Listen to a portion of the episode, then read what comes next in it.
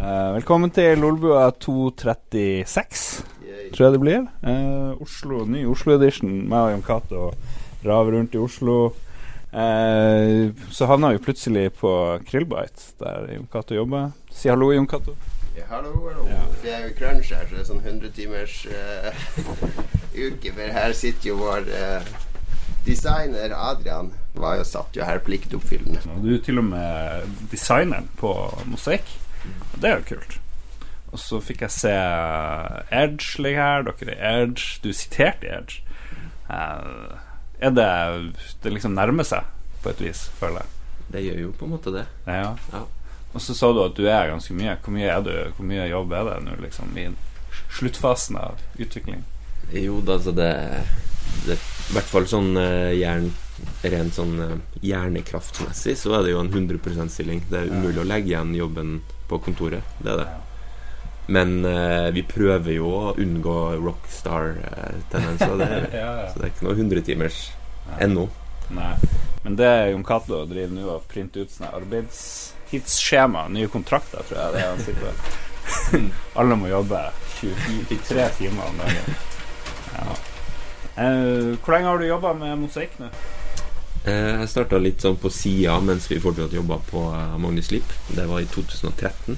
Ah. Så det begynner å nærme seg fem og et halvt år nå, tror jeg. Mm. Hvor eh, ja, det har tatt det meste av fokuset. Så det er veldig sånn Jeg begynner å bli klar for å få det ut, ja. Jeg tenker Gud, da, som journalist så går vi fra det ene til det andre. Det er sjelden jeg jobber sånn veldig mange dager med noe. Så det å jobbe i fem og et halvt år med det, det er jo helt crazy time. Men Ja. eh, ja. Det, det er ganske sånn sprøtt.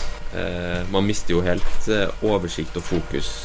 Sånn eh, I starten så er det jo lett å se hva som er bra, hva som er dårlig, og kunne sammenligne ideer. Men nå så går, glir liksom alt over i hverandre, og vi har fem år med historie og kutta ting og lagt ting, og det Mm. det krever veldig mye sånn struktur, både sånn kreativt og praktisk, for å klare å egentlig ja, gjøre et valg, da. Hva som er bedre enn noe annet. Hvor, mye, hvor mye av jobbinga i fem og et halvt år er ting som ikke er med i spillet, liksom? Eller sånn? Nei, det, det er mange Det er litt vanskelig å svare på, fordi mye av det vi har kutta, har jo også vært kritisk for å komme fram til der vi er i dag. For det har jo utvikla seg, så jeg tror jeg ville heller sett på det som eh. En utvikling da enn eh, ting som har blitt kutta. Det går ikke an å se på det som bortkasta Ja. tid, liksom. Nei, det, da hadde jeg blitt deprimert. For det er mye som vi har jobba på som ikke er med. Det er det. Hvordan blir man spilldesigner? Nei, jeg ble uh, via studiet, egentlig. Eh, jeg studerte i Hamar sammen med gjengen som etablerte Krillbite for, eh, ja, i 2011. Eh, så da jobba jeg sammen på bacheloroppgaven vår som Magnus Sleep, og fortsatt videre. Men da var jeg ikke designer, så det var mer en gradvis overgang, egentlig, inn i det. Mm. Eh, så jeg tenker det er bare å begynne å lage spill. Det er veldig lite som eh, stopper deg i dag, med tanke på verktøyene vi har tilgjengelig. Og alle har en laptop, og der, er- da har du alt du trenger, egentlig. Ja. Mm. Så det å begynne å lage nå Ja. Mm. Hva bør jeg spørre om, Cato? Du har jo inside scoop. Har du noe dirt? Har du noe dirt på åssen åssen han hadde det når han var i Harstad i eh, sommer fjor, Var i fjor sommer, det? Adrian har seilbåt, vet du, så han har seilt nesten hele Norgeskysten. Så han lå i havn i Harstad et par dager. Jeg tror jeg sa fra til deg at hvis du drar ned til Ja. havna nå, så ligger det en seilbåt der. Da kan du Det blir en hyggelig Harstad-Tine-reportasje. Jeg vet ikke hva det er. Det er drop, drop the ball on that one. Ta neste gang. Jeg ble faktisk møtt av en NRK-reporter, tror jeg, på brygga i Harstad da han kom. Av den nye flytebrygga. Han var så interessert i hva vi seilerne Ah. syns om den. Så det var journalister på brygga da jeg kom. Det var det. Okay. Ja, ellers er jo Adrian eh, jeg som, som skal selge det her spillet, og tjene penger på det. Det som er kult med Adrian, er at han er litt eh, Altså, det er et spill om kapitalisme og om å ta et oppgjør med den samfunnet vi har laga nå, og disse systemene vi er fanga i. Og, og det som er jo kult, er at Adrian gjør jo det òg. Han har den seilbåten sin, og han lever Du prøver jo å leve et ganske enkelt og Og du, du lærte deg jakting for å lære deg hvordan du skal kunne livnære deg sjøl og bruke dyret. Og Er du, er du en prepper i tillegg, liksom? Er du klar hvis eh, apokalypsen kommer, osv., eller eh, Eh, Det er ikke det som er motivasjonen. Jeg tror jeg er over gjennomsnittlig rusta på livet ah, i postapokalypsen. Det tror jeg. Ja, fersken heller. Jeg føler meg sykt uforberedt på apokalypsen. det eneste som blir apokalypse, er at du må løpe til Mats med en gang. Det er han som har våpen og prepping i kjelleren sin. Og Ja, vi har en kompis som heter Mats. Okay. Han, er, han er veldig der. Men han har kun våpen. Han skal liksom skal komme. Han skal rane alle. Det er det som er hans taktikk. ja, Han er dem, ja. Han skal ikke overleve, han skal bare pray. Pray on the, the weak. så, du, så, ja, så du bør kanskje ha våpen i seilbåten, har du tenkt Ja. på det? Du Eh. Jeg har jo tenkt på det, men det er lov, i hvert fall mens nå fortsatt lovsystemet vårt fungerer, så er det ikke lov. Nei, ok. Hva med sånn harpun? Det Kanskje det. Harpun Det er kanskje kniv. lov. Ja, det er lov. Jeg har kniv, da. Har du sett Waterworld-filmen? Nei. Nei, den er kanskje er Men da. Da drar han jo rundt med en sånn veldig urealistisk stor katamaran. Han eh, Hva heter Kevin Costner. Ja. Så ja. Mm. Jeg begynte å lure på hvordan han hadde råd. Eller liksom, liksom fant Er han det så bare en praktisk å drive og leve og bo på en katamaran, tenker jeg. Det er sånn der diger flytebrygge. Nei, jeg vet ikke. Ja. Det er som en slags stor seilbåt, da, med to skrog, så du har veldig mye bedre plass. Ja. Mm. Nei, men nå skal det litt ut her. Eh, Men hvis, for sånn, hvis man skal leve utafor systemet, hva er det viktigste man gjør liksom, for å Syns du, da? Hvor starter vi hvis vi skal ikke leve utenfor systemet, men hvis vi skal liksom ikke være så jævlig kapitalistisk og, Og materialistisk. og materialistisk og Ja. Ah, vanskelig spørsmål. Ja. Men eh, alt du gjør, er jo eh, på en måte et uttrykk for et eller annet. Så jeg føler hobbyen, hobbyene du har, eller hva du bruker penger på, eller Ja. Mm. Tilbringer du eh, tida på Oslo City eller i fjellet, så sier det litt om ja, Ja. bidraget. Ja. Spør om han kjøper på Black Friday, da. Handla du mye på Black Friday? Jeg har kjøpt ingenting. jeg. En kopp kaffe. Til full pris. ja. Tilbake til mosaikk, bare litt. Vi skal, vi skal ikke plage deg for mye. Men eh, eh, er det lov å spørre når det kommer? Er det klart? Ja, det er er lov å spørre om Ja, når kommer det? Vet du det? Vi har sagt ut av det vel sommer eh, 2019, Ja, så her er det litt jobbing.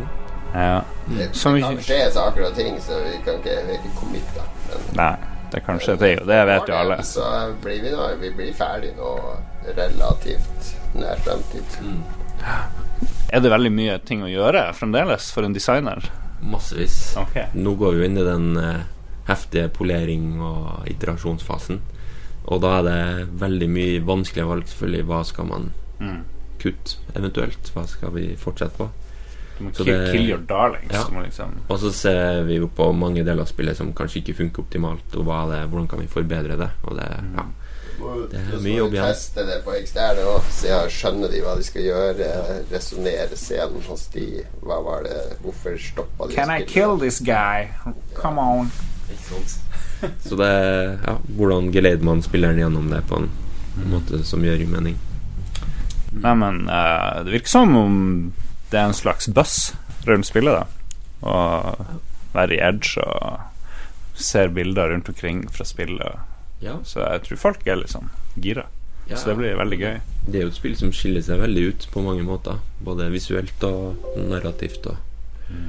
Så vi eksperimenterer jo med litt eh, mye forskjellig. Jeg tror det er viktig i dag da å skille seg litt ut. Hva kan gå galt? Ingenting kan gå galt. Det her blir en stor suksess. Jeg bruker å jinxe ting på, med vilje. Så nei, men kult. Thank you, Adrian. Er det noe du vil si til vår uh, podkast?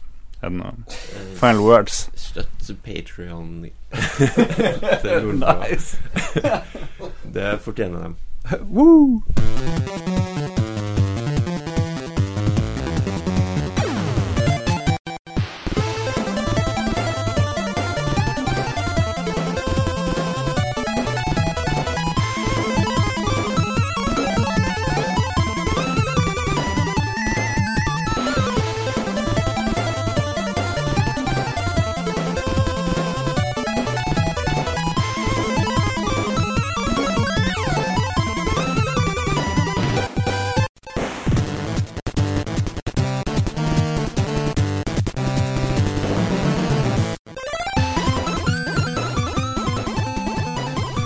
Her veldig br brutal start på podkasten.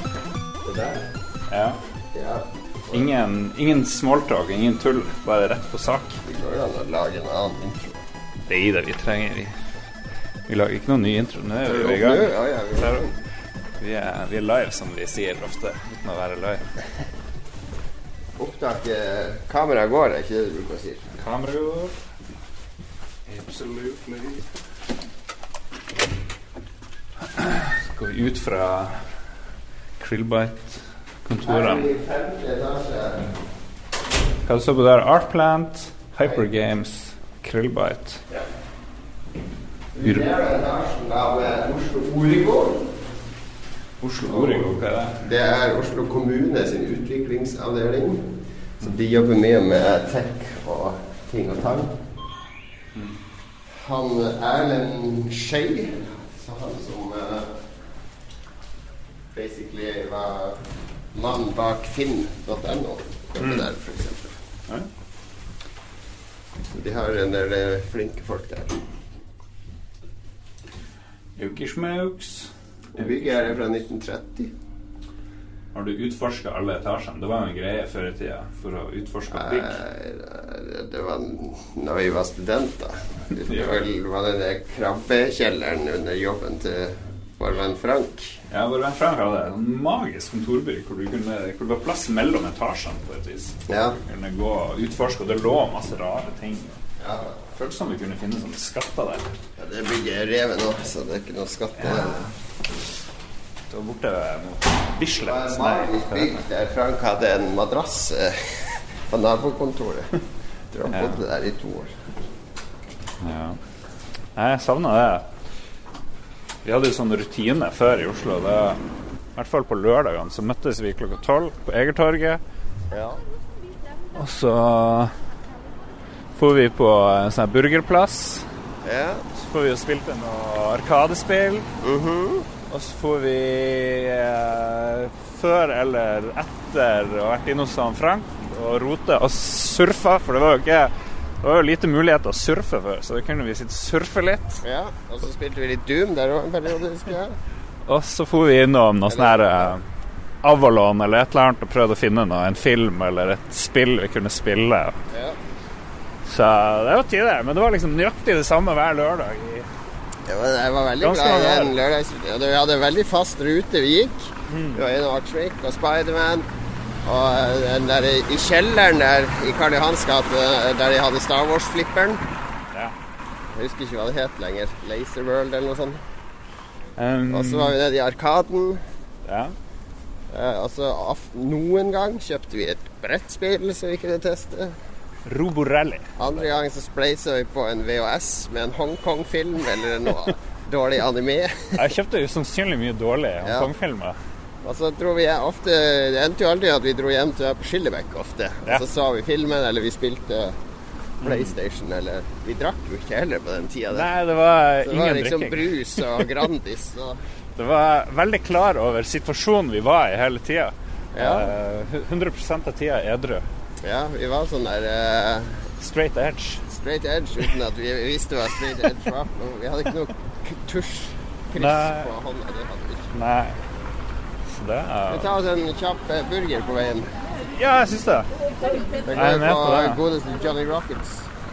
Johnny Rockets. Vi, eh, ja, må vi si det der Krillbeit-kontoret ligger rett ved siden av Oslo Plaza. Det er meget sentralt. Det ligger vegg i vegg med Oslo Spektrum. Så nå er vi opp, liksom. Vi går samme ruta som sist, føler jeg. Nå går vi forbi Guderius. Der gitarhuset her, det var Dixons i gamle dager. Som Uh. var en veldig kul spillbutikk. Der Der hadde de retrospill før det het retrospill. De hadde masse gammel drit på Commodore 64 som de ikke ble kvitt. Mm. Fra 80-tallet, så der brukte jeg å fære og bla litt av og til. Ja, nettopp. Det holdt på å dø. Uh, det er farlig å ta er podkast. nesten påkjørt av en Jaguar. Det hadde vært verdt det. Ja. Ja. Når du først blir påkjørt av en bil, så er ikke det det verste. ja. Nå er Black Friday over, jeg føler det er ennå sånn der uh, salgsfølelse i lufta. ja. Men uh, ja, vi kan jo fortelle om hva vi har gjort i det siste. Vi kan jo fin, fin plass å begynne på. Vi var på konsert i går. Zealand Ardor. Zealand Arder. Det hørtes sånn her ut.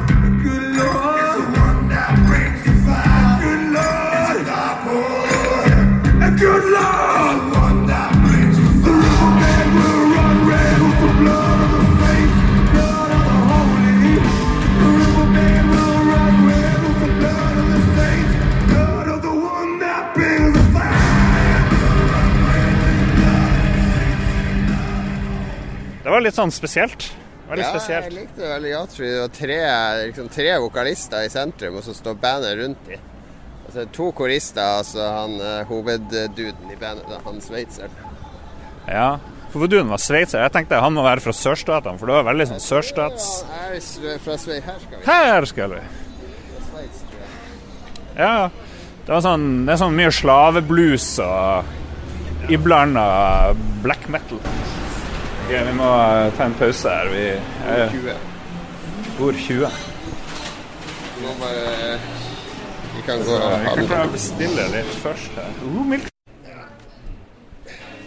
Ok, nå har vi bestilt Det jeg skal si om de her um, Sealing Arder, da Én frontmann, han der um, sveitseren Og det virka han som hadde sånn fryktgrep rundt alle de andre medlemmene i bandet. For det var ingen som torde å gå fra sin posisjon. Alle sto nesten nøyaktig på samme plass. Ja, koreografert nesten. Eller det, de er veldig bevisst, tror jeg, på hvordan det skal se ut. Ja, Så jeg tror De skal jo se ut som en sånn eh, religiøs, eh, satanisk kult, på en måte. Så det var jo disiplin. Du så på det ene nummeret var veldig kult. Når alle stima rundt trommeslager og liksom sto og tilba han. ja, ja. Det, for da la du merke til det fordi det var så stivt ellers. At når de gjorde noe annerledes, flytta på seg, så ble det sånn Oi, hva skjer nå? Ja, fordi en gang helt på slutten så flytta jo bassdama seg foran han ene medvokalisten, for de hadde jo tre vokalister. Ja. Så, og da var det wow, hva som skjer nå? Men hun fikk ikke lov å gjøre noe. De der Nei. kom med som koristene, eller de som sang, de fikk ikke lov å synge den De som, de som måtte synge med den derre oh, oh, oh, stemmen. Ja, ja. ja, nei, så men det er veldig kult. Jeg likte det godt. Han to eh, mikrofoner, vokalisten. Den ene var for å synge, den andre var for å hyle i. For Det som bytta alltid når han skulle hyre sånn i den andre mikrofonen. Ja, jeg likte best når de kjørte sånn black metal-stil, når det bare dundra på. Ja, det, når de eskalerte opp. Altså, jeg tar det litt til.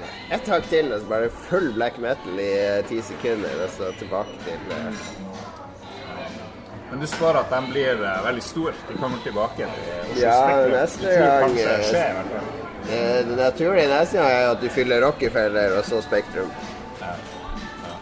Så det var viktig å være der først når vi var på Parkteatret, den lille klubben.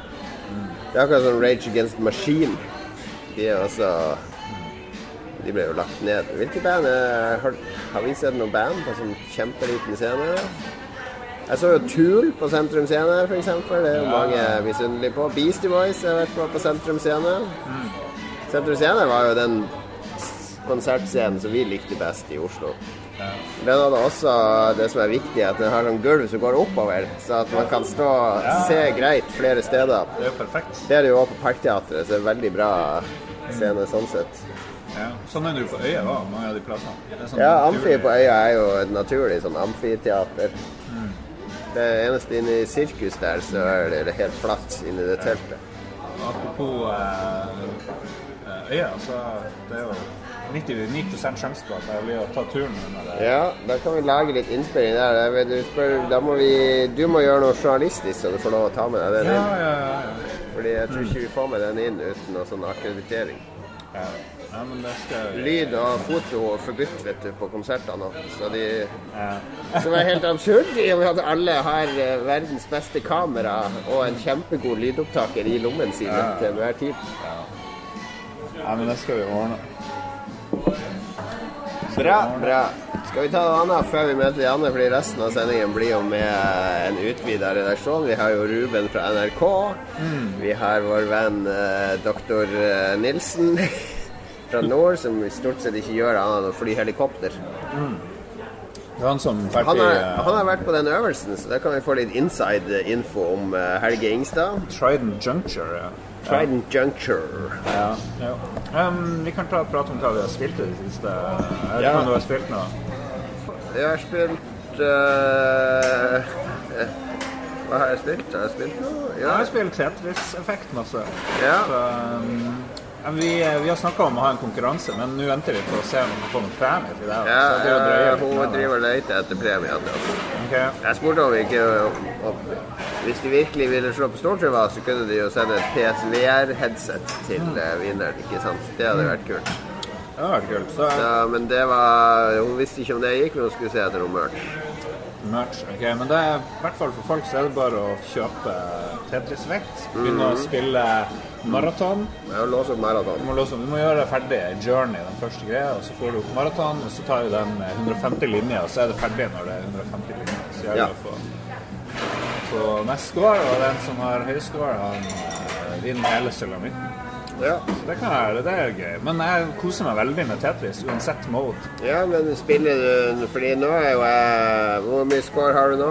Jeg har en bedre score enn deg på. Ja, hvor mye er du? 10 i stedet 1000? 190. 37 000 på Ja, det er 20 000 mer enn meg. Men det er med den vanlige strektaktikken. Altså å bygge opp og så ta sånn fire og fire. Ja. For den, det er vanskelig å få noe særlig mer enn 200 000 poeng på det. Men jeg ser jeg har én venn på vennelista som heter eh, David, bor i Bodø. Jobba for meg i game rector i gamle dager. Eller Dave, heter han vel. Men hans, han eh, Hans rekord er sånn 430 000 og spilletid på syv minutter. ja, det er helt sykt. Ja, men han tror jeg kjører den ti-spin-greia, som er den score, uh, score-greia, der du må bygge opp sånn at du kan ta den T-brikken ned, og så rotere han inn i en slott. ja. For du kan ta to linjer, da. Ja, ja, du tar to linjer, og så får du en sånn ti-spin-bonus. ja. Double bonus fordi du tar to linjer. Ja. Nei, jeg har fått tispinn-bonus, men det er bare sånn tilfeldig. Bare, å, ja, Ja, går det nei, sånn. jeg begynte å øve litt på det. Det er liksom Du må dele brettet i tre. Det er en sånn tutorials på nettet om det. Ja, Men du må tenke Det er ikke instinktivt. ikke sant? Sånn som med den der lange pinnen, der du tar fire. Det er helt rent instinkt for meg. da. Så Da kommer jeg helt inn i sonen når jeg spiller sånn. Og det bare Men kjører du åpen linje til høyre eller venstre? Ja, det er dynamisk. Alt ettersom. Okay. Ja. Til høy, prøver. høyre vanligvis. Jeg prøver å ha åpent til høyre, ja. så bare skyver alt. Men Begynner fortell alt til eh, venstre. hvilken politisk legning du har. Om du har åpninger på høyre eller venstre side. Men liksom, men ja. Nei, det er Tetris. Det, det, jeg trodde det var et veldig avslappende spill, men jeg kjente sist gang jeg spilte at bare nakka, nakken min var helt kjempestiv. Ja. Da jeg satt der og prøvde å kjøre Jeg begynte på ekspertmodus nå, da, som er helt latterlig. Ja. Nei, jeg har spilt en del Battlefield 5. Det er det eneste jeg har spilt. Jeg snakka litt om sist. Men jeg har jo et sånn der eh, eh, 2080 Ti-kort. Så jeg drev og, Det er det første spillet som har sånn raytracing-modus. Så jeg drev og eksperimenterte litt med det, da. Eh, For det er ganske kult. Noen av de brett der det er mye sølepytter og sånne ting. Vann. At, at hus og alt reflekteres i real time i de. Og, og det ser veldig imponerende ut, selv på low-effekten, den laveste. Ja, må du, må du spille på low? Du har jo Nei, jeg spiller på ultra, og da, da får du mer sånn konsoll-frame rate på 30 frames og sånn. Hva koster det her grafikkortet? ditt? Nei, det koster en formue. Det er bra vi har Patreon. Du har ikke brukt Patreon? Nei, jeg har ikke brukt Patreon. Men eh, nei, da, det, det er veldig kult å se. Fordi det er Når du først legger merke til det, så er det liksom Når jeg skrur det av igjen For jeg vil jo gjerne spille med 130 frames i sekundet når jeg spiller online. Ikke rundt 50 som jeg får når jeg har det på. Og det føles litt sluggish og litt mer input-legg i kontrollen. Men når du skrur det av, så merker jeg at det, det ser litt simplere ut. ikke sant? Det, fordi de jukser jo med de refleksjonene når du ikke har det på. Så det er den nye, den nye HDR-en, liksom? Og, Ja, men det er jo ja, det er jo hva man blir vant til. Det er masse sånne kule effekter der du ser speilbildet ditt. Du står inntil bilpanser, så ser du Oi, her, jeg ser jo meg i panseret, liksom. Nå skal vi spise litt, og så skal vi møte de andre. ja. Nå tror jeg maten kommer straks.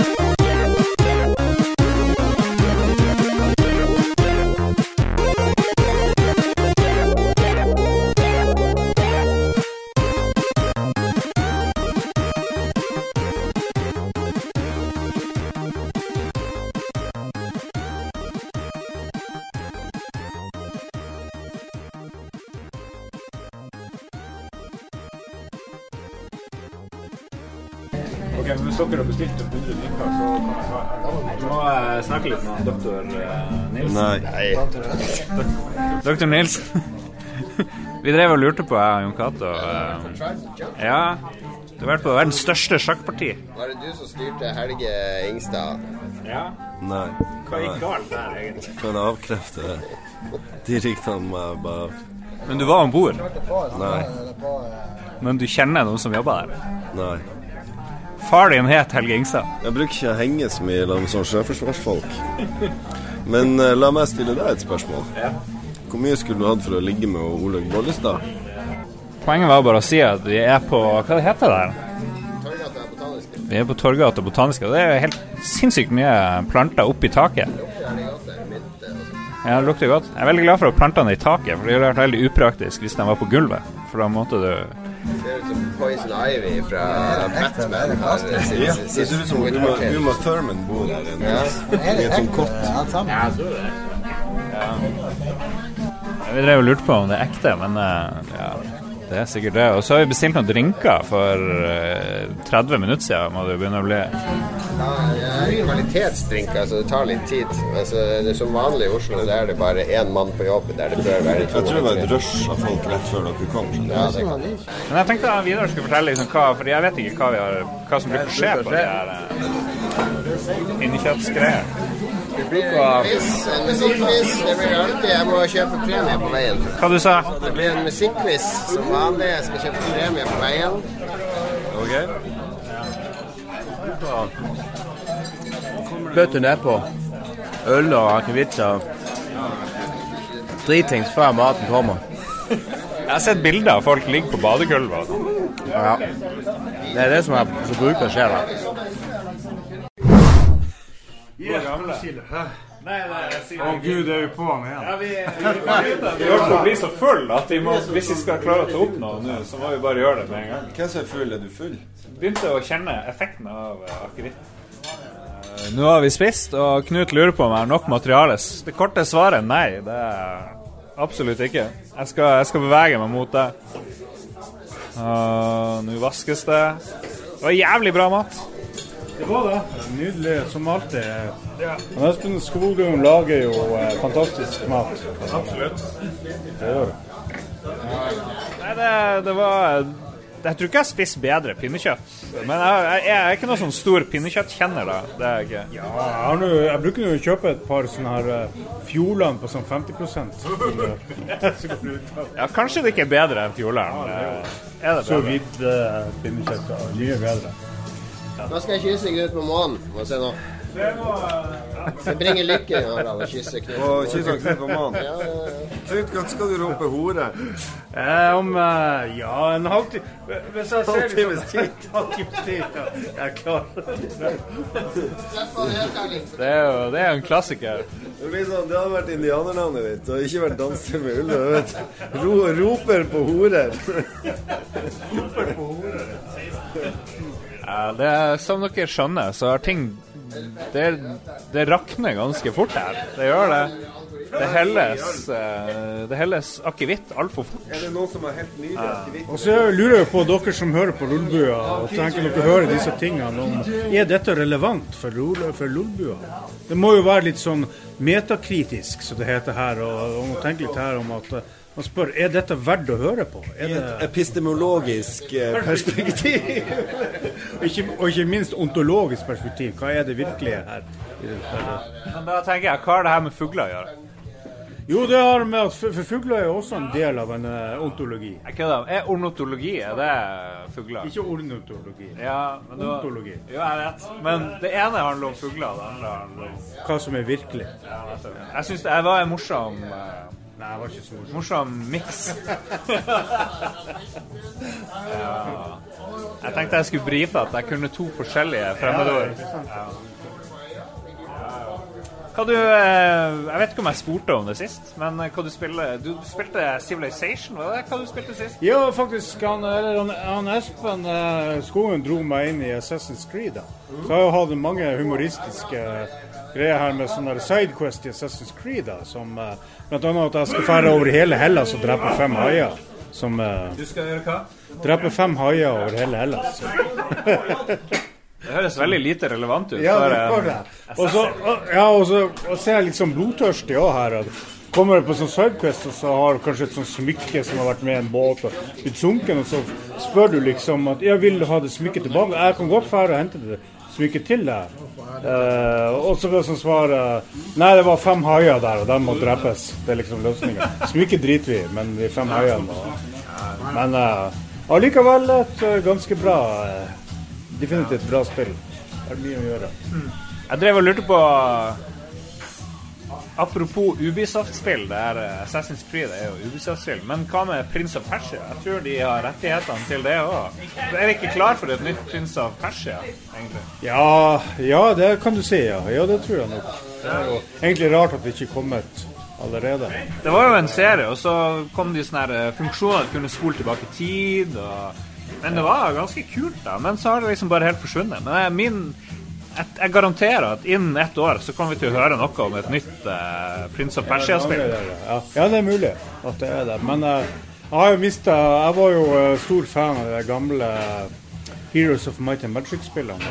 Og det var Ubisoft har jo også vært uh, stått bak det. Eller i hvert fall vært hovedselskapet. Og, og de har jo, det har jo vært helt forferdelig de siste årene. Så de er nok blitt for store, de bryr seg ikke om hva de er. Jo, nei, men jeg har trua på Ubisoft. De, de, de har hatt noen av de bedre showene på E3 osv. Og, så videre, og lager litt sånn småspill og er veldig ærlig med hva de holder på med. sånn. Så, så Ubisoft er et av de få selskap, de store spillselskapene som jeg har sansen for fremdeles, faktisk.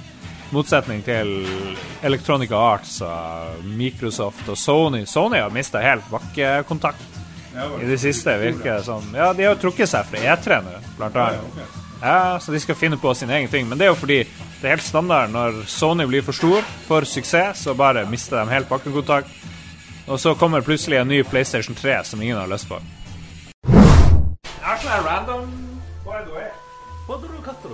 Jeg har random tema her. Har du laga temahatt. Jeg lagde temahatt. Ja, da gjør vi temahatt. Uh, si et tall mellom 1 og 37. Uh, sokker. New York Times-journalistikk.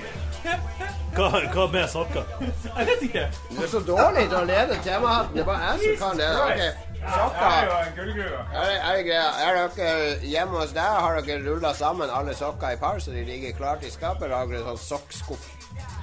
Vi har også eh, meg og min samboer, vi har jo litt forskjellige saker, Så vi har jo Jeg styrer mine saker, og så styrer hun Ja, men sokker. Parer du de og legger de sammen, eller bare stapper du alt i en Nei, jeg, jeg har begynt å pare dem igjen. Jeg har gått over på pareregimet. For Før hadde jeg bare alt oppi skuff, men da prøvde jeg å kjøre sånn her Da prøvde jeg å kjøre sånn absolutt alle sokkene hadde vært svart. Men nå i det siste har jeg fått mer sånne sokker med mønster, og sånn, så da må jeg nesten pare det. Og så har jeg noen sokker som har samme mønster med forskjellig farge. De kan la gå i samme par. Ja, par. min kone, vi deler sokker. Vi Ja. de sammen. vi har Ja, så vi har en Og, og Thomas, min eh, 17-åring, han har jo også skostørrelse 41 nå, så han bruker de samme. en bøtte med sokker? Ja, vi har en diger skuff full av sokker. Ok, Så jeg driver ikke å pare de ut av eh, tørketrommelen, for det er et kaos. med- Ja, det er jo bare fem mennesker i familien. Men jeg er helt hysterisk at de sokkene skal matche 100 Vi har masse svarte sokker som er i sånn ulike varianter. Noen er litt lengre, noen er litt tightere. Mine, min preferanse er jeg vil ha veldig tjukke sokker. Eh, de skal være så tjukke som mulig. Ikke så tjukke som sånne ullsokker, men nesten så tjukke. Og gå langt opp på leggen og være ganske løse i formen, ikke stramme. Det er min, min favoritt. Mm. jeg har nå, er langt fra min favoritt, men det var det jeg hadde å velge i dag. Ja, for det der er litt avfarga begynt å bli blå og sånn. Så. Ja, de, de har vært blå alltid. OK, så de har, de har begynt å bli svart? Eller? Ja, ja, de har vært så mørkt, veldig mørkt. Ja. Jeg har, jeg har liste. Jeg kan gi den til deg. Nei, jeg trenger ikke noen liste. Du skal gi meg de temaene. Okay, da. Det, men vi har Er vi ferdige? Vi er ikke utforska sokketemaet. Har? Men jeg er veldig glad i den lista. Men nå det siste, for at jeg, jeg begynte å klage på at uh, min samboer hun- hun går hun, sånn veldig ungdommelig med sånne ankelsokker. Og Det syns jeg blir helt idiotisk når det blir kaldt. Ja, det, er bare liksom, Ta deg på deg lange sokker. Og så har ikke hun uh, hatt det, så da har hun også begynt å bruke mine sokker. Så da har vi i, i praksis fått så felles. Dere opp. Ja. Og så har det også endt opp med at de må vaskes så ofte da, at da går vi bare og henter fra tørketrommelen. Så det er liksom så, blitt sokkeskuffen. Ja. Vi skal innom skuffa. med. Ja, det skal- Ok, Nytt tema, Lars. Vi skal ha tema nummer 13. Tema nummer 13. Eh, trening. Trening. Det er noe du har begynt med, Lars. Jeg har begynt med trening. Jeg er veldig fornøyd. Det er doktoren som har sagt at du må trene eller dø. Ja, det er tren eller dø. Det er tren eller begynn med blodtrykksmedisin. Blodtrykksmedisin vil jeg ikke Tar det er ikke så mye stress i livet ditt? Ja, ja Det er. Selvpåført stress. Min pappa sin del av familien har sånn vilt blodtrykk, og noen begynner å dø som 40 år gammel. og Av, hjerneslag og sånne blodtrykksrelaterte ting. Da. Så ja. Sånn at jeg gjør det. Er det sånn eh, Vil du at jeg, når vi er ute på byen, hvis du hisser deg opp, og nå skal jeg si sånn Tenk på blodtrykket! Rå deg ned og tenk på blodtrykket. Er det på det nivået, eller? Nei, det tror jeg ikke. Nei, det er, ja. Men nå er legen sier nå at eh, For nå har det gått litt ned, da. Fordi jeg har gått litt ned i vekt og trent. Så hun sier ja, det, du trenger sikkert ikke bruke blodtrykksmedisin før om ti år, sier hun. Så det er fremdeles du bør bruke medisin, men det er liksom, horisonten er litt større. Så, så hvis jeg klarer å gå ned sånn ti kilo til, eller så kanskje Jeg vet ikke. Ja. Det, du, helsa di, da? Blir det noe trening på det? Du bare putter rundt i Tesla og Ja, det blir, det blir puling, og så blir det trappegåing på jobb. Går i trappen på jobb, og så puler. Hvilken etasje er du på jobben nå? Eh, 18. Du går fra første til 18. etasje? Da Kommer du inn og så Ja, men jeg gjorde det før. før første gang jeg gjorde det, så trodde jeg jeg skulle få liksom infarkt etter sånn åttende etasje. og Sånn. Men nå er det bare sånn Du kan gå og snakke hele veien og føre en samtale hele veien opp. Så det er veldig god kondistrening å gå i trappen. Er det Postgirobygget? Ja, det er det? Hører du på Postgirobygget når du går opp Ja, alltid. Hver eneste. Det er sånn queued opp, og så går jeg med sånn her høyttaler med lyd på opp gjennom trappen. Men eh, du trives i Postgirobygget? Det er jo eh, sentralt og det trives fint. Er det ikke snakk om at dere skal flytte utover mot Lørenskog eller noe? Nei da. Det Hvis vi skal være der, ja. For det er utvikler i Posten? Ja. Ja. Dette er bare lytterne våre opptatt av. Den 350-kronersgrensa forsvinner. ja. Blir det enklere å fortolle varer? Kan du si noe om det her og nå? Jeg håper jo det. Det ramler jo Dere spiller på lag med folk. Altså, Dere er ikke interessert i å loppe folk? Vi er jo interessert i at det skal gå fort i posten på terminalen. Hvis vi bruker dritlang tid på fortolling, så taper vi masse penger. Så vi er jo i aller høyeste grad interessert at det skal gå unna med posten med fortolling. Ja, jeg, jeg ser jo den. Ser Så det er jo uh... Men er det gøy å jobbe i Posten? Ja, det trives, er, er, det er ikke mye gamle folk som sitter og holder igjen og bedre før og vi sleiker på frimerkene? Så det er nå eh, jo, Posten er jo veldig gammel. Så det er jo masse uh, folk som har vært der veldig lenge, og folk som tviholder på Ja. Er det mye sånn selvironi i med 'Posten skal frem' og Ja, det- kødder med sånne ting? Det er en del kødd, men så er det også sånn veldig sånn strikt kodeks på at det skal være veldig, veldig seriøst offentlig. Så blir det veldig, veldig kjedelig. Du kan ikke, Ja. du kan ikke ta helt av. Men så er det også sånne nye yngre folk som ikke kommer inn, og som ikke har den der som, eh, som, som kødder med Vi skulle ha liksom der, lag, lage sånn ny Posten-app nå. Da var en som skulle ha noe med å vise hvor stor en pakke er, da i den appen. Og så var det hvis det var litt vanskelig å vise sånn med for, forbehold og sånn. Og da var det en som han foreslo at du skulle liksom eh, ta bilde Du var eh, tvunget til å ta bilde av eh, kjønnsorganene dine da, da, da du onboarda appen, og så måtte du sammenligne med det. da Så kunne du liksom få et visst forhold med hvor stor pakken er. Det, Da humrer jeg godt. ja, det humrer jeg godt, og så sitter sikkert noen da og, og, og stresser veldig over at det blir sagt, og så er det Da er det. Har dere noen gang seriøst vært en diskusjon om å skifte navn til Post 1, altså tallet 1? Siden det, det, er det var litt sånn trendy Sånn som Sparebank 1 og Ja, det var litt sånn trendy for noen år siden å ha sånn tall i navnet. Mm. Skal vi, skal vi kalle oss post1.no? Ja. Ja, vi, vi satser jo på eh, Vi burde helt som Post 2018 og Post 2008 hadde vært. Post 10 i Sverige Nei, i Finland er jo en av våre konkurrenter. De heter jo Post 10, og det høres jo mye bedre til post 1. Så det er jo, eh, vi har jo noe Vi henger etter. Det er jo den kjedeligste av de. For du har det poli 1, poli 2, poli 3, poli 4, poli 5, poli 6, poli 7, poli 8, poli 9, poli 10. Så det er det kjedelig. Det er jo post 1. Post 2 Nei, du, du, du, du har Nei, jo det. Det er post eh, det latinske tallet, kanskje. Ja. Post XX. All right, nok om posten. Ja.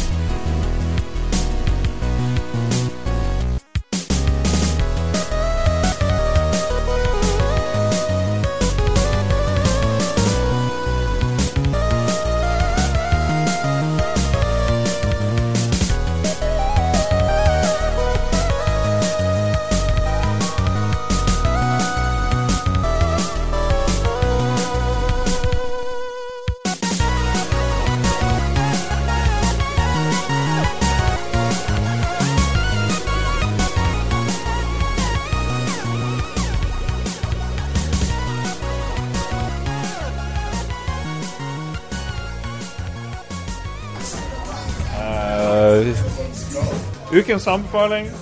Ukens anbefaling. Espen hva, har, har du noen anbefaling? Du har Ikke på quiz med Jon. ja, Faen meg drittquizen til Jon Cato. Ok, Deres lag tapte quizen min. Dere kollapsa på 80-tallet, rett og slett. Men uh, filmsekvensen naila dere. Ja, ja. Vi skal anbefale Ok. Jeg, jeg har lest uh, Jeg driver og leser nå The Beastie Boys Book. Fordi Beastie Boys eh, de består jo av tre rappere. eh, Mike D, MCA og eh, Adrock. Og så har de han DJ Mixmaster Mike. De er jo, Jeg elsker jo Beastie Boys. Eh, License to Ill var den første kassetten jeg kjøpte for egne penger, liksom. Pauls Butikk er min favorittplate gjennom tidene. Det, det er et godt spørsmål for alle. Hva var den første kassetten eller plata du kjøpte? Ja, var- for egne penger var det License to Ill. Jeg hadde fått i bursdagsgave sånn før, men der gikk jeg ut og kjøpte for egne penger. Jeg elsker Beastie Boys. Det er fortsatt, så den boka her han, han, MCA døde jo for noen år siden. Så den boka her er skrevet av de to som er igjen, Mike D og Adrock. Og en veldig, det er en gigantisk tjukk, tung bok. Det er mange, mange hundre sider i den. Full av bilder og tekster. Sånne korte tekster om hvordan det var å vokse opp på 70- og 80-tallet i New York. Eh, hvordan de møttes, eh, klubber de gikk på.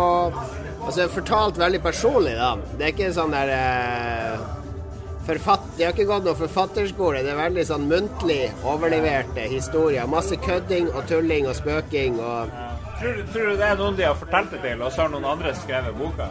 Jeg leste og intervjuer med de. Jeg tror, uh, tror de har skrevet det meste sjøl, ja. Adrock skriver en del andre ting òg, da. Så jeg tror det er mye som de har skrevet sjøl. Og, og pusla sammen minner og alt mulig sånn. Men selv om du ikke er sånn super Beastie Boys-fan, så er det et sånn fantastisk tidsbilde av New York. Jeg er bare kommet til uh, License to Hill, liksom. Bare fram dit er det 120 sider. Om New York, og hele New York var jo et, et rævhull av, av en by på 60- og 70-tallet. Lower Manhattan var jo bare kriminalitet, og alle hus var enten dritvarme om sommeren eller iskalde om vinteren. Var, folk hata jo å bo der. Det, var, det, er en grunn til at New York har sånn, New York-folk har en sånn helt egen attitude, for det var, var en ganske tung by på, på 70-tallet. Ekstremt mye dop og kriminalitet før de rydda opp. Så Beastie Boys book, du kan bestille den på Amazon. Jeg tror det kosta 30 dollar eller noe sånt. Det er gull verdt. Er Kjempemessig underholdning. Eh, hvis du skulle skrevet en bok, eh, tror du du hadde huska mye fra, fra livet ditt før? Og sånne ting? Jeg husker ganske mye fra barne- og ungdomstida. Jeg begynte ikke å drikke før jeg var 25 år. Kanskje det har noe med det å gjøre at jeg ble artig. Men minnene er jo ikke ekte heller. De ting du husker godt fra barndom, det er ofte ting som du har manipulert til å bli noe nytt. Men jeg har ganske Jeg kunne sikkert skrevet en kjempekjedelig bok om min barndom og ungdomstid.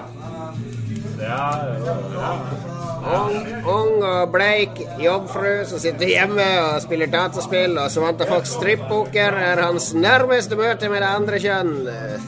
Sånn. Spennende bok. Eh, vi kan høre om det er noen flere anbefalinger. Eh, Espen, Vidar så på, nylig på eh, Netflix eh, sånn standup-sak. Ja, ja, var det sånn når du kan se på? Bare plukke opp bare Daniel Sloss. Hva du kalte det? Daniel Sloss, en Ah. sånn uh, skotsk dude. OK. Som var veldig overraskende bra, faktisk. For, eh, for å si det sånn, det er veldig mørkt. Ah, ja, men det er jo bra. Ja, eh, så han sitter og prater, prater, bla, bla, bla. Og så kommer det plutselig frem Å ja, og det var da jeg fikk vite at søsteren min hadde dødd. Det var sånn, men så driver han og liksom spøker med det her, liksom. Og hun var sånn multihandikap og sånn her Han kunne ikke gjøre noe, det helt trengte hjelp til alt. Men uh, han har veldig god sånn prod på det han prater om, da. Det er sånn uh, Stort sett er veldig mørkt, alt det han prater om. Men Det, prat, det, det presenteres på en veldig bra måte. Du mista jo din egen bror uh, for fem-seks år siden. Ja, Ish. ish, Eh, ja. Liksom, har det noe med hvordan du oppfatter sånn svart humor, tror du? Nei, jeg tror ikke det har gjort noen forskjell på det. Tror jeg ikke. Stort sett samme før, vil jeg tro. Ja. Ville du klart å gjøre et standup om eh, bror din, liksom? Du? Jeg vil ikke kanskje gjøre standup. Det er vel akkurat det som er problemet. Det er ikke akkurat uh, sånn tema. OK, nei, men da skal vi sjekke det. Hva han heter for noe, sa du? Daniel Schloss Daniel Slass. Ok. Eh, Vidar, har du noen anbefalinger bortsett fra å ha sex med bestemødre? Som jo er standardgreia. Ja, ja, ja. Jeg kan, jeg kan kutte ut det hvis du vil. det. Nei, nei, nei, men det er greit. Det er greit. Jeg jeg, for så vidt det Det kan ikke undervurderes. Men bortsett fra det, så vil jeg. Ja, ja, så vil jeg anbefale uh, fiskeoppdrett og Destiny 2. Ja, for det er stort sett det livet ditt går ut på. Ja, egentlig. Ja. Men du er ikke lei Destiny 2, da? Ja, litt. Litt? Litt. Ok, Men la oss snakke om det- fiskeoppdrett. da. Hva du, hva du gjør innen fiskeoppdrett? Det er programmering. Programmering? Mest programmering. Programmere sånn Når skal vi fôre fisken, eller hva det er? Nei, det er sånn uh, synkronisering av egg. Synkronisering av egg? Ja.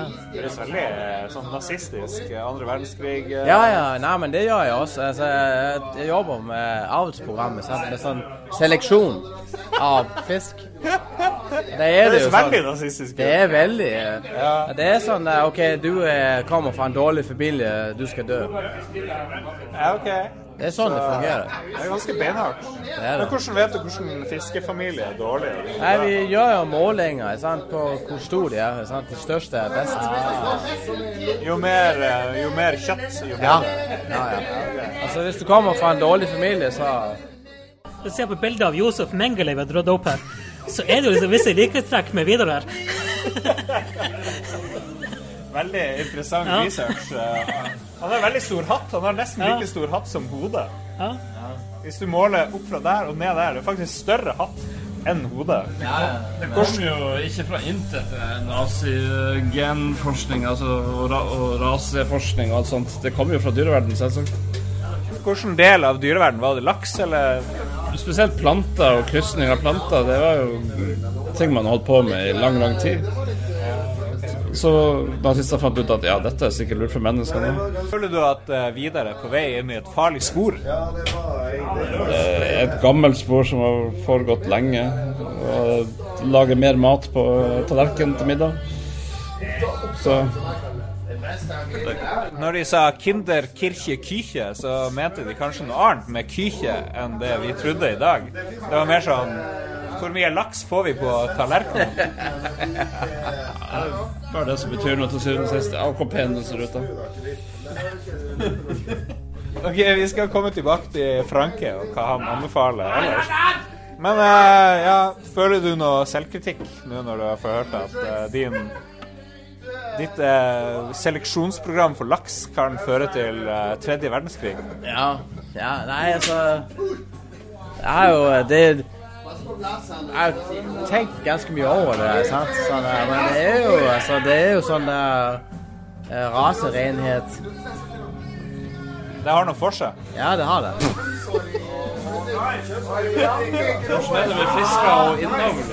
Ja, men det Det er et issue det, da. Nei, ikke hvis du unngår Altså, hvis du har den, re- den rene rase, så er det greit med innavl. For det Det høres veldig dårlig ut. Det høres ikke bra ut. Det er bare hvis du får inn sånne dårlige gener, at, eh, at du får sånn der At du får eh, sykdommer, sant? Hvis du har rene gener, så er det ikke, så er det ikke noe problem med Du kan ikke si rene Det du sier, at oss mennesker har ganske skitne gener, da. Ja, det, det er forskjellig. Men altså, hvis Du har jo sånn som uh, i dyreverdenen, sant? Så har du sånn denne laboratoriemus og sånn rotter og sånn, sant? Ja, Og de er jo sånn der veldig høye innavl, sant? Men de har på en måte tatt bort de der dårlige genene, sant? ja. Så innavl kan være bra. Det kan være bra, ja. Men liksom, hvis du vil føre menneskeheten videre, vil du kun ha rene gener, egentlig? Ja. ja. Jesus lord! Det er ikke bra. Hva er fordelen med Nå er vi inne på det her forferdelige sporet. Hva er fordelen med den rene rasen? Hva enn det betyr. Nei, du får jo eh, Altså, hvis du klarer å på en måte luke bort de dårlige genene, sant? Ah, så kan du unngå sykdommer. Du kan få veldig bra, eh, bra vekst. jeg føler vi er inne på sånn science fiction-dystopi-opplegg Ja, her. ja, ja. Ja. Altså, altså om, om 1000 år, sant? så kommer, kommer egg og sædceller kommer til å bli sånn der designer, sånn gen-design. Du luker bort de dårlige genene. sant? Sier du OK, den her sædcella her, den har et gen som er dårlig. sant? Vi bruker ikke den. Vi bruker den her Sant? Ja. Det, det bare Så det, det, fin, det fins ingen dårlige gener. Ingen blir syk. Ja. Ingen uh, Det er KrF-opplegget nå med Downs og sånn her. det- Downs-folket er utrydda om 1000 år, liksom. Ja, ja, ja. ja. Helt sikkert. Ja. Men hva du tror Vil vi, vil vi foretrekke pene mennesker eller smarte mennesker eller folk med en viss hårfarge? Nei, det, altså, det, det blir sånn, sant? eh, Du, du bare velger hva du skal ha, sant? Og altså, OK, jeg har lyst på en, eh, en, en gutt eller jente med høy IQ, sant? For du kan også velge kjønn. Det er veldig enkelt. Ja, okay. Gjør, men gjør du det i fiskeforskninga eller fiskebreeding? Ja, ja. Veldig lett å skille kjønn? Ja, ja. Okay. Og det kan jo mennesker kan du gjøre det super, veldig enkelt. da. Sier dere okay, jeg skal ha uh, en jente med høy intelligens. sant? Så bare tester du masse egg og, og sædceller, og så ser du OK, de her, det her er de perfekte genene, og så bruker du dem. Og så, så gjør du befruktningen i laboratoriet. Og så setter du egget som er befrukta, inn i livmora. sant? Mm. Ja, fordi livmora har ikke noe å si på hva som er befrukta, egentlig. Nei, nei, altså du, du kan ta ut flere egg, og du kan, ta, du kan bruke sant? Du kan bruke millioner av sædceller som du kan teste. Sant? Og så kan du gjøre befruktningen i laboratoriet og så sitte inn i det. Sant? Men er det ikke mye jobb å legge et befrukta egg inn i livmora til Nei, det blir fisk? gjort i dag, da. Nei, jeg, jeg, jeg snakker om mennesker nå. Å, ja, du snakker om mennesker? Ja, ja. Jesus lord. Jeg tror vi snakker fremdeles om fisk. Ja, ja. ja fordi i, i laks, når du har sånn her 1000 laks du skal befrukte, det blir litt mye jobb å ta én og én laks og Ja, ja, nei, inserte. Men blir vi å gjøre det òg? Nei, nei, det gjør vi ikke. Men vi, det som vi gjør, vi ser jo på genene til hanner og, og hovfiske, sant? Når én hovfisk eh, produserer sånn 20 000 yngel, der, smalt. Ja, det er ganske mye. Det, ja. Da så velger vi ut de eh, beste hanner som er Men hva om vi klarer å kombinere laks og menneske, og får en kvinne til å produsere 20 000 yngel? Det hadde vært perfekt. Hvis du var faren? Ja, ja, men jeg kan du velge ut. Du, du lager 20 000 yngel, men så tar du bort Så har du bare én eller to som du velger ut, det, sant? de beste. Ja. Du, og så resten det er bare så tar du og setter strøm eller noe annet. Velger bort i eh, ganske sånn veldig bleikt lys, da. Når det er snakk om sånn at 20 000 tvillingsabort. Det er ganske brutale greier, det her. da. Hvordan tror du KrF vil stille seg til det her eh, lakse... krysninga altså- av laks og menneske? Ja, men nå snakker vi jo sånn flere hundre år frem i tid, sant? Ja. Men det, det, KrF eksisterer ikke om hundre år. Hva Shape of Water favorittfilmen din? Ja, jeg har ikke sett den. Nei, ikke jeg heller. Ja. Men det, høres ut som en dritfilm. Kan ikke anbefales? Ja, ok. Franke Framtidsoraklet, som er kjent fra hytteturen osv. Vi er inne på anbefalinger. Hva Har du eh, konsumert? Konsumert en bok eller en film eller musikk eller et eller annet som du vil eh, Som du vil anbefale? Eh, av bok må det vel kanskje bli 'Salvation' av Peter F. Hamilton. Er det en helt ny bok? Ja. Det er helt ny bok. Det er sannsynligvis en starten på en trilogi, tenker jeg. Så det er bok én ute foreløpig, da. Eh, Peter F. Hamilton har alltid elska alle sine science fiction-bøker konsepter konseptet av portaler. Denne gangen har han gått all in. Det, det, liksom de forrige seriene hans, uh, Night Downs Trilogy og diverse annet, så er det liksom litt sånn portaler og teknologi til det, da. Eh, her er det portaler over fuckings alt. Det er Swiss cheese, uh, planet, liksom, jorda. Du trenger bare gå gjennom uh, sånn ti dører, så er det hvor som helst på kloden. Og hver dør er en portal, da. Og sånn som rikfolk, eh, de har hus uh, laga seg sånn leilighet hvor hvert rom er på en nytt sted. Sånn på Mars eller Ikke sant. Det er sånn eh, Trump-familien om 10 000 år-aktig, eller OK, 500 år. da. Ja, altså Du har jo alle samfunnslag fortsatt, og all faenskap mennesker finner på fortsatt. og Masse konflikter.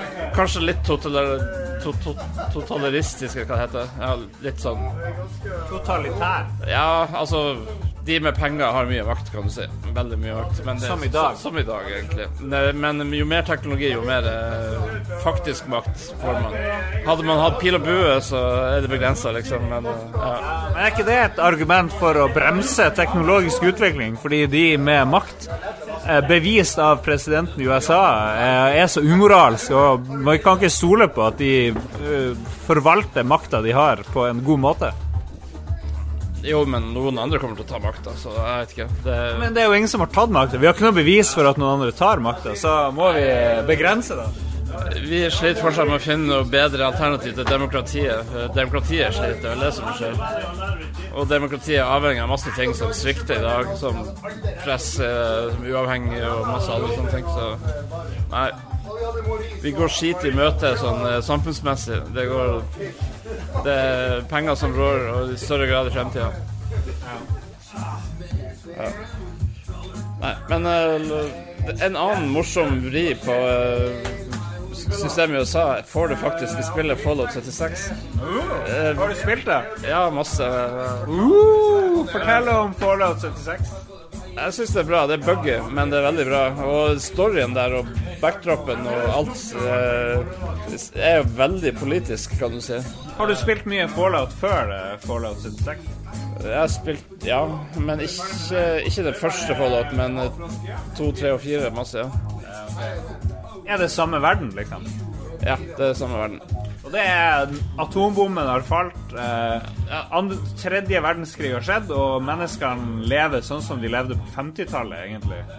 Ja, du kan si det Den er science, science fiction etter 50-tallsstil, på en måte. Eh, men Men er ikke 50-tallet litt kjedelig, da? Jeg tenker Nei, det, det går bare på stilen, ikke på innholdet. Det er bare design issue. Altså, ja, designerting, kan du si. Ja.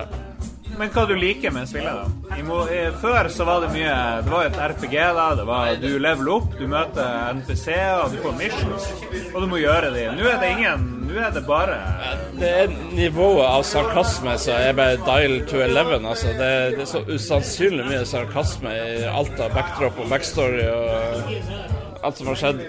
Det, det er liksom totalitært eh, en masse. Og, som et eksempel på én quest, så eh, for å få tilgang til noe eh, til noen ressurser, så måtte jeg late som jeg var en CEO og måtte ta kurs på å bli CEO. Og måtte, måtte liksom svare riktig på sånne spørreskjema med tre alternativer eh, på alle. Og du liksom, hele veien måtte du liksom bare tenke hva er det mest råtne av de her alternativene. Og det var det riktige, liksom. Og, det, og det der går igjen og igjen og igjen, liksom. Det, det, det, det setter virkelig perspektiv med ekstrem sarkasme på eh, samfunnet i dag, vil jeg si. Men driver du og spiller alene, eller spiller du med noen andre? Jeg spiller med, noen, med en del andre folk, ja. Vi er vel en uh, Jeg tenker at fem, det fem stykk som spiller det. Jeg tenker at det ligner litt på Conan Exiles. At du, må, du bare går alene, og du kan bli angrepet av spillere, og du kan bli angrepet av NPC-er. Det er ikke veldig mye PVP. Um, Det er ekstremt lite PVP der. Um, Og det, du får ikke noe gevinst av PVP heller. Det er bare noe som er der fordi noen syns det er morsomt. Eh, Det siste jeg gjorde, var å launche en nuke. oh, ja, for det er det. Det hørte jeg at det er noe av det siste du gjør når du har fått høy nok level. Eh, Det er veldig komplisert. Du må liksom gå rundt i verden og samle på koder og drive med sånn kodeknekking og puzzles. Og, det, Uh, og til slutt så uh, må du slåss deg langt inn i en av flere siloer. sånn, Ja, missilsilos. Slåss gjennom horder roboter og forskjellige og løse puzzles. Det er jo genialt. Jo Cato, du må bli med og høre endgame av Fallout 76. Frank har launcha Frank har launcha nuken. Ja. Ja. Eh, Det var, jeg gjorde det her i Coop da, den siste kvelden med Thomas. da Eh, Og han sikta seg på det området der det var flest newbier akkurat da, og gjorde en sånn eh, event som heter Grafton Day, der eh, de skal gå se på en parade. Eh, Og så et sånn monster i, i Grafton Day som er en del av paraden, men den angriper bare dem. da Ja. Hvor mange spillere var det der, tror du? Nei, det var vel fem spillere som det holdt på med den eventen her, da. Og så plutselig kom det sånne sirens og nuke alerter. Så de hadde ett minutt på seg da, til å evakuere. da. Og de bare jeg så bare at de bare, beina av gårde da. Ja, det er kult. Ja. Det har ganske lang radius, men i Ja, de rakk akkurat å komme utenfor uh, før den landa, den nuken der. Og hvor lenge hadde du eh, spilt før du kunne launche den nuken, tror du? Nei, ikke så hinsides. eh, kanskje 20 timer eller noe sånt.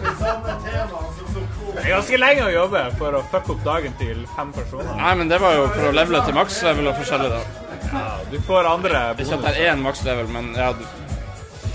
uh, men det er ikke endgame, det. Du fortsetter. Etter du har nuka et område, så går mutasjonen og, og himmelen, og ting blir annerledes der. Uh, Monstrene blir super, supertøffe, og plantene eh, blir annerledes. Og, så det Du må tilbake dit igjen etter denne uka og få tak i nye ressurser. Og, Hva er poenget med å eh, Problemet er at det er radioaktivitet overalt. At du blir utsatt for radioaktivitet overalt. Hvorfor vil du ha mer radioaktivitet i verden? Nei, det, det er jo merkelige ting, det der. Men det, det, det er bare fordi det var endgame-missionet som låste opp en del ting for det. Men eh, det gir jo ingen mening, for du, du er du er For å få tilgang til endgame-butikken, som har de mest fancy tingene, så må du gjøre missions for en sånn superkorrupt organisasjon eh, med å late som du er en eh, annen person. Eh, du- finner finner lik av en general et sted og later som du er han, og så har, liksom, har en fot innenfor på den superhemmelige organisasjonen. Det er der tyske Det er en sånn tysk film på kino nå som jeg har veldig lyst til å se. Det heter 'Kaptein', som også er en sann historie om en, um, en tysk desertør, menig, som rømmer fra hæren og sånn, og så finner han en død kaptein. Og så tar han på seg hans uniform, og så plutselig så har han et sånn herre squad eller kompani som han leder, da. Han bare driver og finner opp. Og det er en sann historie den fra helt på slutten av krigen. Den går på kino nå, 'Kapteinen'. Så det tror jeg kanskje kan være en fremtidig anbefaling. Men eh, det her er kanskje god tid å snakke om Frank. Eh, Det er jo, Frank er jo en kjent gjest i uh, Lolbua. Eh, Et fremtidsorakel pluss en sånn fyr som brøt seg inn, eh, sier noen, i sånne eh, Nato-greier på 80-tallet, 90-tallet. I sånne ulike baser. OG Hacker. OG Hacker eh, drev og styrte mye med Commodore 64 ganske tidlig. Meg og Jon Cato er veldig glad i Commodore 64. Men, eh, men så eh, har du liksom begynt å kode, og du programmerer for eh, noen av de største selskapene i Norge. For Big Blue, selve erkefienden da jeg var yngre. Ja, det jeg jobber for IBM. Nei, Microsoft var erkefienden. Jeg jobber for veldig store selskaper, men eh, liksom, hva du tenker om, eh, om de som driver og hacker og styrer på i dag? Sånn, sånn som du holdt på med da du var yngre? Det jeg gjorde, var bare en nysgjerrighet for å lære meg ting sjøl. Det var ikke for å hacke for å få penger. Det er falske nyheter. Altså. Da, altså, hacking er jo også misbrukt ord, så jeg liker ikke helt det ordet. Men eh, Hva er et bedre ord for det du holder på med? Nei, det var det riktige ordet den gangen, men det har blitt misbrukt siden, og nå tenker alle noe helt annet om det ordet. Hva du tenker om sånne folk som uh, Julian Assange, som sprer uh, taushetsbelagt informasjon, eller eh, han Snowden, som nå bor i Russland for å spre det samme, egentlig? De er jo blitt litt Hva skal jeg si Snowden har jeg sansen for, men uh, han er jo blitt uh, på en måte et gissel, kan du si, der han pga. lokasjonen han bor i. Så det er ikke så mye å gjøre med det.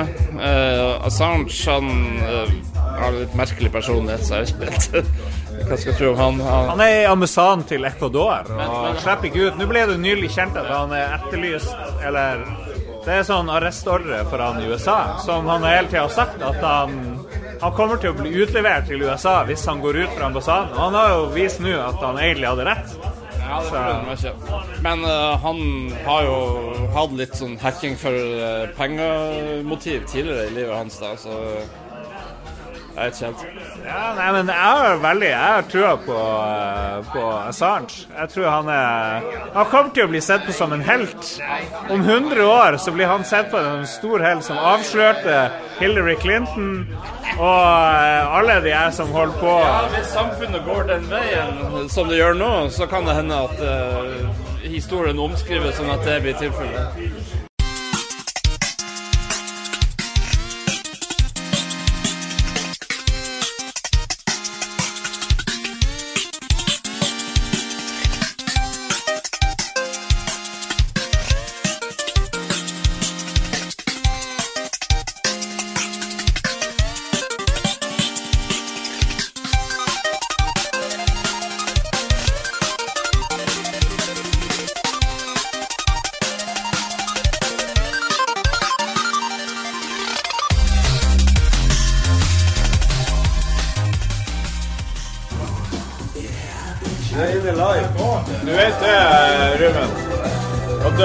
En sånn mikrofon, det er det dummeste du kan gjøre.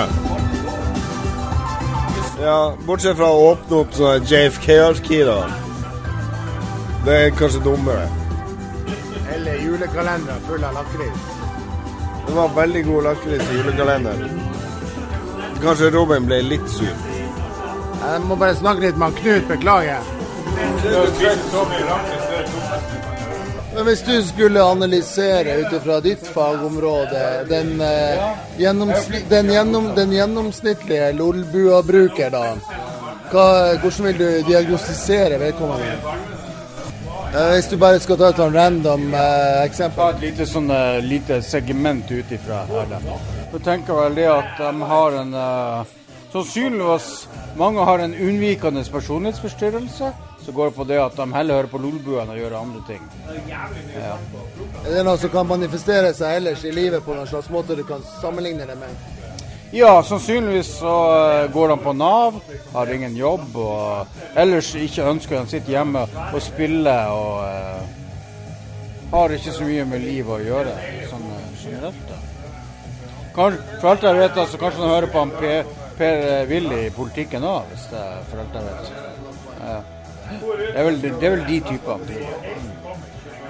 Hvis du, skal, hvis du skal omsette dette i en slags faglig retorisk Hvis du skulle skrevet dette i hovedoppgaven din, da, på en måte, hvordan ville du da forsøkt å diagnostisere vedkommende som Så eneste konklusjonen min er jo at her må det tvangsopplæring til. Da. At, eh, ja, så For disse, denne gruppa av personer som hører på dette, så gjelder ikke demokrati og fri vilje og.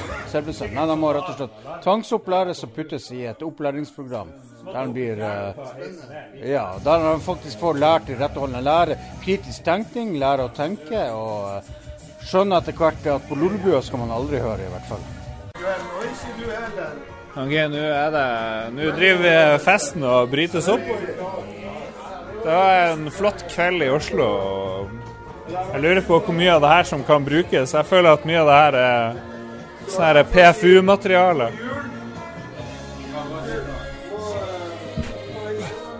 Jesus lord.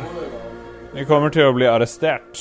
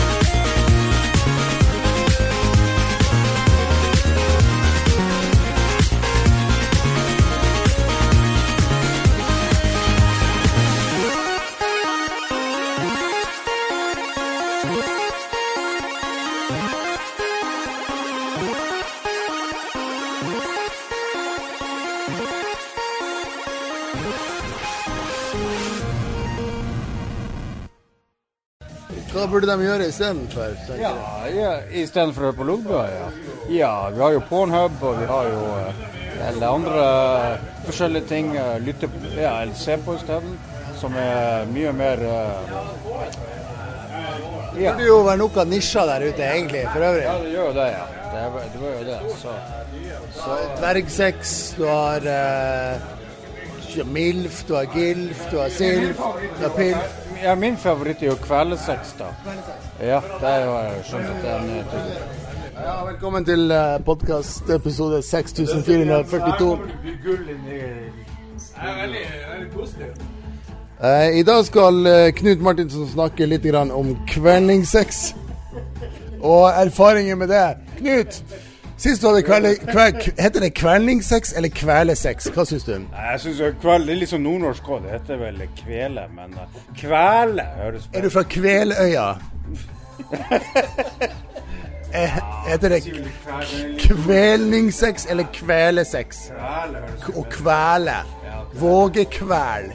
Miste lufta, kvele. Ja, nettopp. Kan du fortelle, fortelle litt om det å bli kåt eller opphissa av å ikke få oksygen til hjernen? Ja, Åpenbart så er det et eller annet stoffer som utløses i det øyeblikket der. Ja. gjør at, eh, Hva slags stoffer er det? da? du- Nei, det husker jeg ikke. Det er, kan, det er kanskje vår eh, lege kan svare. Heroin. Jeg tror det er heroin. Så man har heroin i hjernen som utløses hvis man kveler? Åpenbart. Hva det heter det? Lysthormon? Ja, åpenbart heroin. Spennende.